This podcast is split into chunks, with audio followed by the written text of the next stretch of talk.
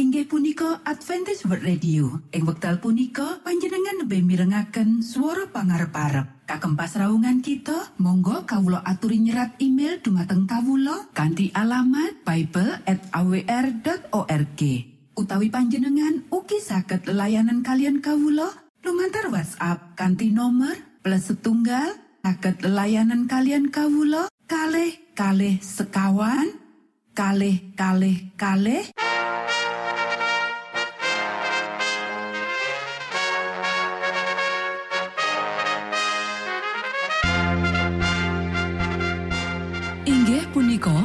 Adventist World Radio ingkang giaran kanti basa Jawi. Tentrem Rahayu kula aturaken kagem para mitra kinasih ing pundi papan lan panggonan. Sugeng pepanggian malih kalian Adventist World Radio. Kandi bingahing manah Kulo badi sesarengan kalian poro mitra. Lumantar saperangan adicara ingkang sampun rinonci. Mligi kagem panjenengan sami. Mugi giaran punika saged migunani tuen dados berkah kagem kita sedoyo. Sugeng midhangetaken Gusti amberkahi.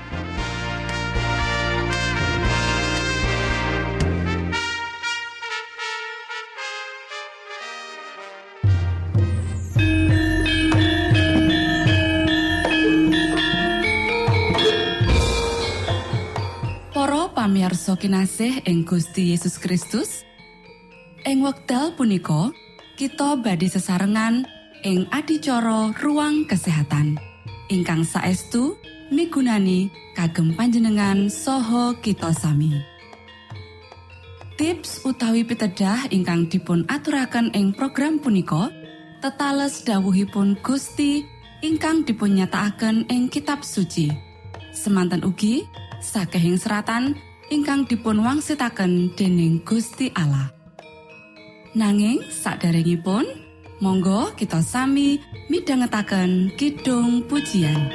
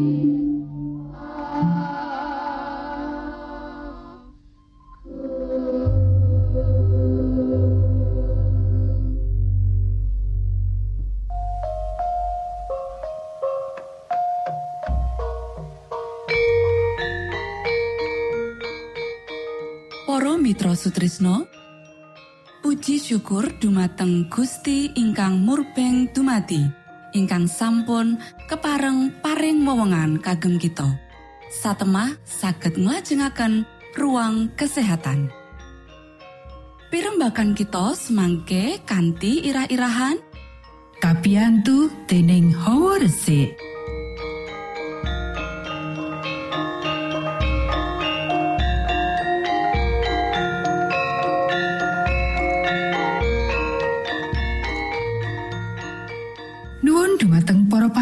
pamiarsa ingkang dahat kinurmatan sugeng pepanggian malih kalian kula Isti Kurnaidi ing adicara ruang kesehatan. Ing dinten punika kanthi irah-irahan kapiantu dening Hawa Resik. Para sedherek ingkang kinasih pangaribawa hawa seger sing resik nyebabake getih mili lancar ing sakujur badan. Iku bakal nyegerake badan lan condong watake lan nyihatake lan ing wektu kang padha pangaribawane dirasakake pikiran sing awujud kaayeman lan katentreman.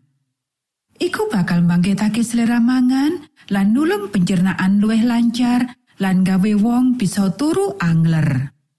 Para sederek paru-paru kudu diwenehi kamardikan sing sampurno. Kapasitase bakal luwih gedhe kanthi keraan bebas lan nyusut menawa dipenek. Mula nyebabake rasa lara kanggo wong-wong sing biasane kerja kantor sing lungguh bungkuk sakjroning posisi kaya iki dheweke ora mungkin ambekan kanthi jero. Pungkasane dheweke ngulinake awake kanggo ambekan cendak lan paru-paru kelangan kuasa kanggo ngembang Akibat sing padha bakal dumati menawa nggunakake sabuk sing kenceng utawa sandangan sing ngepres. Kanti mangkono, pacawisan saat pembakar ora cukup akeh ditompo. Getih mili alon. Rereget sing ana racune sing kutune dibuang saka paru-paru ing wektu ngetokake ambegan, saiki keri lan getih dadi reget. Tutu mung paru-paru, weteng, ati, lan otak uga dipengaruhi. Warna kulit owah dadi kacau, semangat kendo, lan kabeh organ ora aktif nganti kabeh gampang diserang leloro. Dialangi dening panganan encer. Para sedherek ingkang kinasih, Menawa kesehatan badanmu ora rusak, koe mesti dadi sawijining wanita sing migunani lan misuwur. Koe wis suwe nandang leloro, lan iki mengaruhi angen-angen atimu nganti koe mikirake awakmu dhewe lan angen-angen atimu wis mengaruhi badanmu. Pakulinan-pakulinanmu ora apik sakjroning akeh bab. Akeh lan mutune panganan iku ora sakjroning ukuran sing bener. Kowe wis mangan banget kakean, nanging pangananmu mutune asor sing ora bisa diolah dadi getih sing becik. Kowe wis nyedik wetengmu napa panganan sing kaya iku. Miturut tetimbanganmu, panganan iki meh ora tau ganggu kowe. Iki dudu pengalaman sing bener. Wetengmu ora nampa kekuatan sing kutune kowe entuki saka panganan iku. Amarga panganan iku sakjane bentuk encer, Mula iku ora menehi kekuatan lan ora ngatur proses pencernaan. Nanging menawa kowe ngowahi pakulinan iki kanthi mangan luwih akeh sing padet lan luwih sedidik sing encer, wetengmu bakal keganggu. Nanging mengkono, kowe aja nyerah ing bab iki. Kowe kudu nglatih wetengmu kanggo nampa panganan sing luwih padet.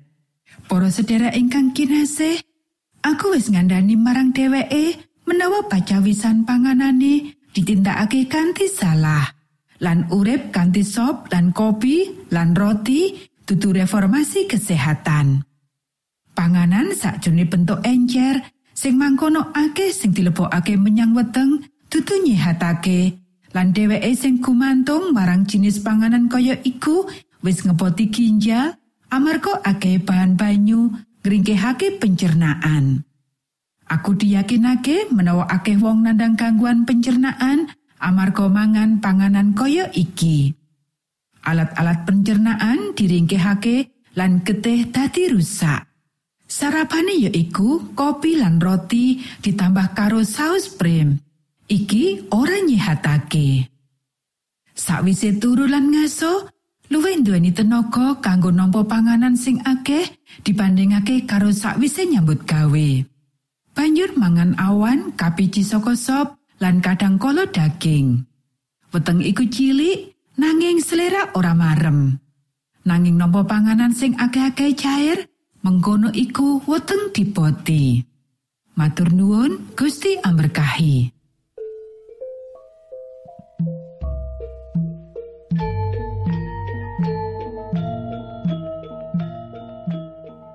Cekap semanten pimbakan ruang kesehatan ing episode dinten punika. Ugi sampun kuatos jalaran kita badhe pinanggih malih ing episode sak lajengipun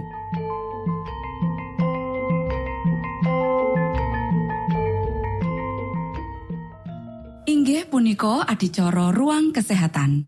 Menawi panjenengan gadah pitakenan utawi ngersaakan katerangan ingkang langkung Monggo Kulo aturi Kinton email dateng alamat ejcawr@ gmail.com utawi lumantar WhatsApp kanti nomor 025 pitu 00 songo songo papat 00 pitu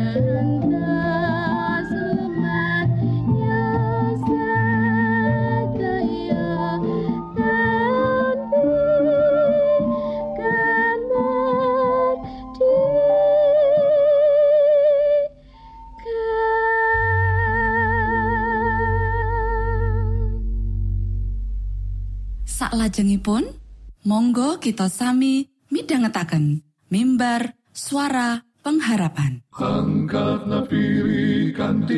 pawarto Sang Kristus paderamu Pro umat samyo puji asmanyo Sang Kristus paderamu Inggih punika mimbar suara pengharapan. Ing episode punika kanthi irah-irahan. Kitab Zabur ing pangibadahing wong Israel kuno. sugeng midhangetaken. Sang Kristus padawo ilmu kawero tambah tambah. Sang Kristus padawo padawo padawo Sang Kristus padawo Shalom para sedherek ingkang kinasih wonten ing Gusti. Sakmenika kita badhe mitangetaken renungan Sabtu pangandikanipun Gusti. Ing dinten punika kanthi irah-irahan Kitab Zabur ing pangibadahing wong Israel kuno. Para sedherek ingkang kinasih, ayo diwaca Kitab Siji Babat pasal 16 ayat pitu. Sawuse mangkono ing dina iku uga Sang Prabu Dawud paring dawuh kang kapisanan marang Asaf lan para sedulure sakulawangsa supaya padha ngrepekno kidung pamuji syukur kagem Pangeran Yehuwa. Nehemia pasarolas ayat wolu. Mungguh para wong Lewi ya iku Yesua, Binui, Kadmiel, Serebia, Yehuda lan matanya. Matanya iki lan para sedulure padha nuntun menawa ngrepekake kidung panuwun. Jabur pasal wolulas ayat loro. Unjuke mangkene, kawulo tresno dumateng paduka do Yehua ingkang dados karosan kawulo. Jabur pasal telung puluh ayat loro. Duh Yehua, paduka badhe kawulo luhuraken amargi paduka sampun ngentas kawulo saha boten marengaken menawi mengsa kawulo sami pingah margi saking kawulo. Sabur pasal sangang loro ayat loro. ngucap syukur dumateng Pangeran Yehua kanthi kekidungan punika prayogi. Maka tenugi nyaosi kidung Mazmur dumateng asmo patuko, Duh Gusti Allah ingkang moho luhur. Sabur pasal 105 ayat loro. Podho ngidungo kagem panjenengane, kidungno kalawan Mazmur. Saliring pakaryane kang elok padha caritakno. Kolose pasal telu ayat 16. Muga pangandikane Sang Kristus tumunung ana ing antaramu kalawan luber. Satemah anggonmu padha wuruk winuruk lan eling ingelingake nganggo saking kawicaksanan apa dene sinambi nglakokake Mazmur lan puji-pujian sarta kidung kasukman. Kowe padha saos syukur marang Gusti Allah sakjroning atimu. Para sedherek ingkang kinasih, Kitab Zabur kasusun kanggo digunakake ing pangibadah pribadi uga komunal. Lelakonan iku katembangake minangka kidung pamuji ing pangibadah bait suci, kaya dene kasaranake dening katerangan musik kang nyebutake piranti, Zabur pasal swidak siji ayat siji, lelakon, Zabur pasal songo ayat siji, lan lelurahing pasinden. Yakub pasal wolu ayat siji. Ing kitab Ibrani, irah-irah kitab Sabur, Telihim, pepujen, gambarake tujuan utamane ya iku ngluhurake asmani Gusti Allah. Irah-irahan basa Inggris kitab Sabur asale saka basa Yunani Salmoi katemokake ing Septuaginta sesulihe basa Yunani kawitan yaiku abad loro lan abad telu Masehi saka kitab Ibrani. Para sederek, kitab Sabur minangka perangan kang ora kapisahake saka pangibadahing wong Israel. Contone, kuwi kagunakake kanggo panyucian bait suci, riyo pangibadah, ara-araan, lan salawase nyelehake pedi perjanjian ing Yerusalem. Kidung siarah, Jabur pasal 120 nganti 130 uga dikenal minangka tembang siarah. Biasane kakidungake nalika siarah menyang Yerusalem ing telung riyaya taunan sing gedhe. Kita bisa maca ing pangentasan pasal telulikur ayat 14 lan pitulas. Halel Mesir sabur pasal 113 nganti 118 lan Halel Agung sabur pasal 136 kakidungake ing telung riyayan utama taunan. Kalebu riyaya wulan kang anyar lan pentah pisane bait suci. Halel Mesir nduweni papan kang wigati sanget ing upacara Paskah. Sabur pasal 113 lan pasal 114 kakidungake ing wiwitan pujana Paskah lan Jabur pasal 115 nganti 118 ing pungkasan.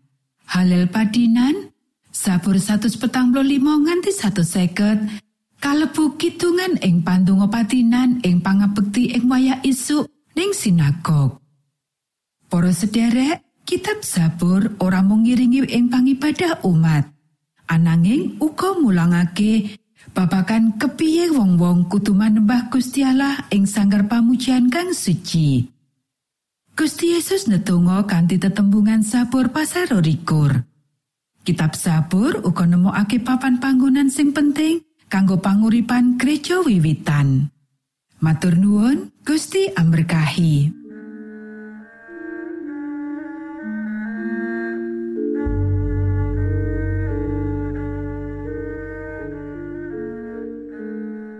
Mitra Sutrisno pamiarsa kinasih ing Gusti Yesus Kristus. Sampun paripurno pasamuan kita ing dinten punika. Menawi panjenengan gadah pitakenan utawi ngersaakan seri pelajaran Alkitab suara nubuatan Monggo Kulo aturi kinton email dateng alamat ejcawr gmail.com utawi lumantar WhatsApp kanti nomor 025 pitu 00 songo songo papat 00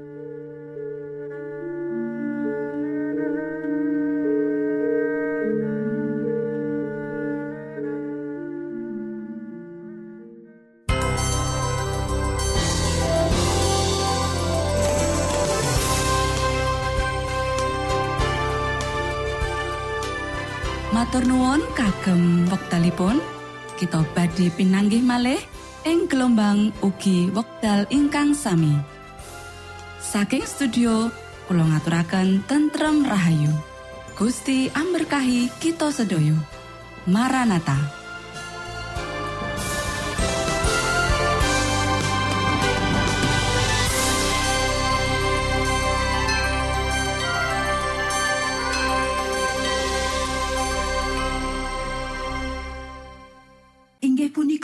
Adventist World Radio. Ing wekdal punika panjenengan lebih mirengaken suara pangarep-arep. Kagem pasraungan kita, monggo kawulo aturi nyerat email dumateng kawulo kanthi alamat bible at awr.org.